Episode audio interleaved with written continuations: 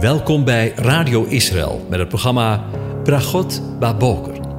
Een kort ochtendprogramma waarin een gedeelte uit de Bijbel wordt gelezen en besproken. Met Bragot Baboker wensen onze luisteraars zegeningen in de ochtend. Presentator is Kees van de Vlist.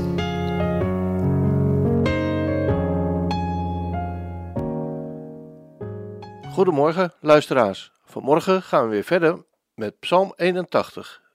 Ik lees het aan u voor. Voor de koorleider op de Gittit, een psalm van Asaf. Zing vrolijk voor God, onze kracht.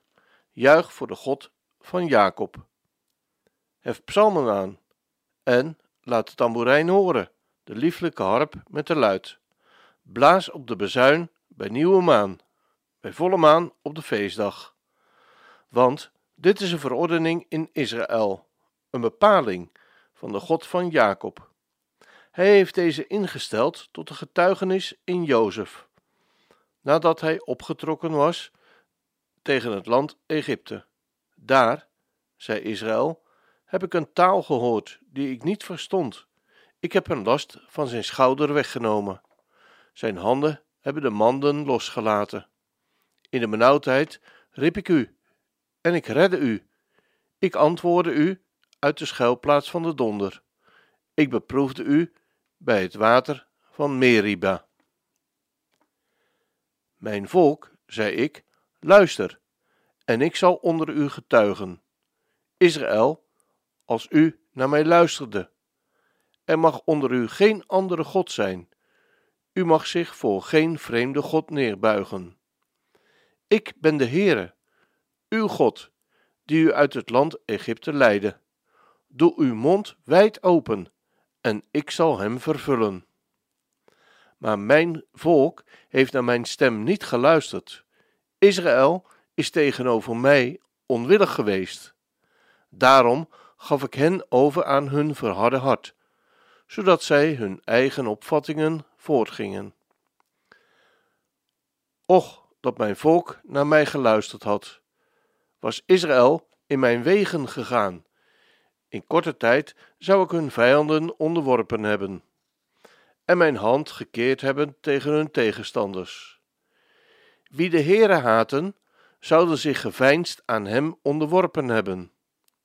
Maar hun tijd zou voor eeuwig geweest zijn. Hij zou van de beste tarwe te, te eten gegeven hebben. Ja, ik zou u verzadigd hebben met honing uit de rots. Tot zover. Over de nieuwe maansdag gesproken. De psalm begint met de woorden voor de koorleider op de Gittit, een psalm van Asaf. De Gittit stelt ons direct al voor een moeilijkheid. Want wat is de Gittit?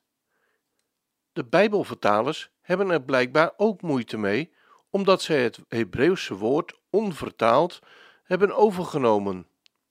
De letterlijke betekenis zou zijn wijn, olijfpers. Maar dan nog blijft de betekenis onduidelijk. Wordt mogelijk een muziekinstrument bedoeld? Of een muziekinstrument uit de woonplaats Gat? Of ook wel wordt gesuggereerd dat het de maat zou kunnen zijn van de maat of het ritme waarop gezongen werd bij de wijn of de olijfpers. De Gittit wordt ook genoemd bij de aanhef van de psalmen 8 en 84. Maar het helpt ons ook niet verder bij de zoektocht naar de betekenis. Sommige verklaarders geven aan dat de liederen werden gebruikt tijdens het Loofhuttenfeest. Hoe het ook zij, vandaag denken we na over het vervolg. Israël, het volk van God, wordt aangeraden met de woorden: Zing vrolijk voor God onze kracht. Juich voor de God van Jacob. Hef psalmgezang aan en laat de tamboerijn horen, de lieflijke harp met de luid. Blaas op de bezuin bij nieuwe maan, bij volle maan op de feestdag. Want dit is een verordening in Israël een bepaling van de God van Jacob. Het volk van God, Israël, wordt opgeroepen om vrolijk te zingen met psalmgezang voor de God van Jacob. En dat niet zomaar, maar met de tamboerijn, de harp, de luid en de bezuin. Want het is feest, feest van de nieuwe maan, bij de volle maan. En het is niet iets vrijblijvends, in de zin van je kunt het doen of niet. Maar het is, zoals de tekst zegt, een verordening in Israël, een bepaling van de God van Jacob. Nieuwe maan is na de donkere maan een nieuw schijnend maanlicht. De Israëlieten moesten de dag van de nieuwe maan inluiden met trompetgeschal. Op die dag moesten offers worden gebracht. Het Hebreeuwse woord voor nieuwe maan is Kodesh, dat eigenlijk nieuw of vernieuwing betekent. Het woord wordt voor de eerste dag van de maand, die met de nieuwe wassende maan begint, en voor de maand zelf gebruikt. Kodesh verwees er in eerste instantie naar nieuwe maan of nieuwmaansdag. Maar het woord kreeg ook de ruimere betekenis van maand. Dat wil zeggen de periode tussen de nieuwe maand en de volgende maand. In 1 Samuel 20, vers 5 lezen we: David zei tegen Jonathan: Zie, morgen is het nieuwe maan. Dan zal ik beslist met de koning aan tafel zitten om te eten. Laat mij dus gaan, dan verberg ik mij in het veld tot aan de avond van de derde dag. En in Ezekiel 46, vers 1 lezen we: Zo zegt de Heere, Heere, de poort van de binnenste voorhof die naar het oosten gekeerd is, moet op de zes werkdagen gesloten blijven, maar op de sabbatdag geopend worden. Ook op nieuwe maansdag moet hij geopend worden. De nieuwe maan, in de eigenlijke en oorspronkelijke betekenis van het woord, was voor de Israëlieten het begin van de nieuwe maand. Ze hadden een maankalender. Op de eerste dag van de maand, op de nieuwe maansdag, moest Gods volk op de trompet worden geblazen. De nieuwe maan was onder de Israëlieten reden tot een feestelijke verviering. Men zag op de heuvels uit naar het eerste licht van de nieuwe maan, en zodra dat aan de hemel gezien werd, werd de nieuwe maansdag ingeluid tot trompetgeschal. Het nieuw schijnend maanlicht is voor de mens iets bemoedigends. De nieuwe maansfeesten zijn volgens Colossense met de Sabbat en de andere feesten een voorafschaduwing naar de toekomstige dingen.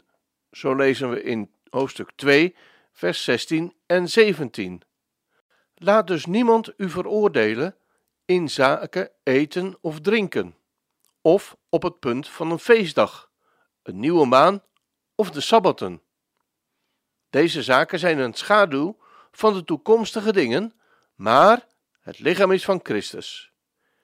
En van die toekomst hebben we zojuist ook gelezen in Ezekiel 46, vers 1. Zo zegt de Heere Heere, de poort van de binnenste voorhof, die naar het oosten gekeerd is, moet op de zes werkdagen gesloten blijven, maar op de Sabbatdag geopend, ook op de nieuwe maansdag moet hij geopend worden.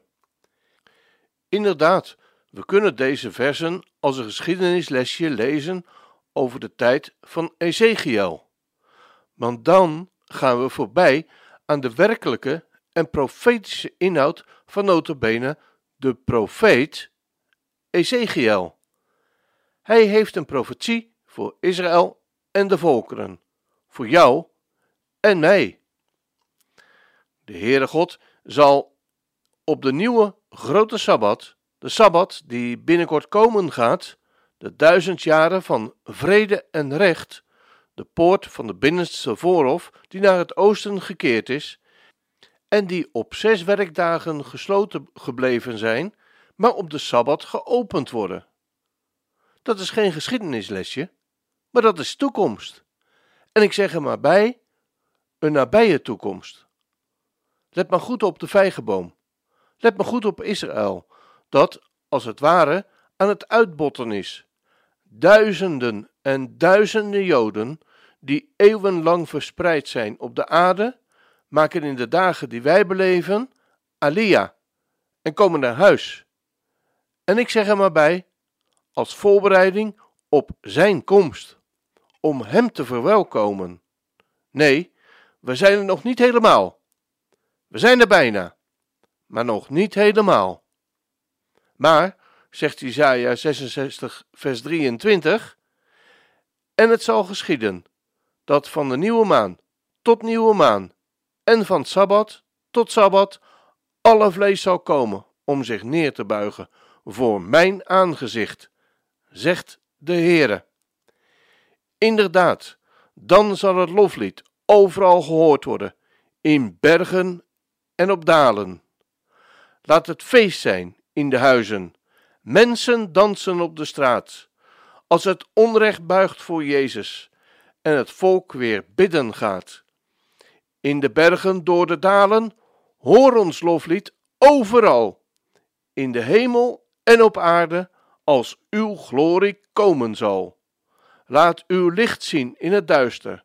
Als wij buigen voor het kruis, laat uw heerlijkheid verschijnen in de wereld, in ons huis, in de bergen door de dalen. Hoor ons loflied overal, in de bergen en op aarde, als uw glorie komen zal. Halleluja.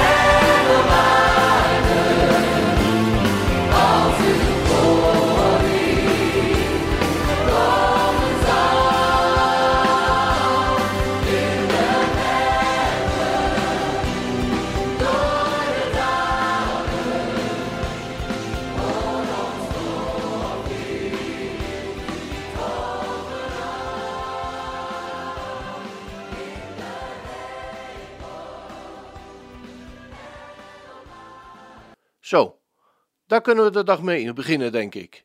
Ik wens je een van God gezegende dag toe.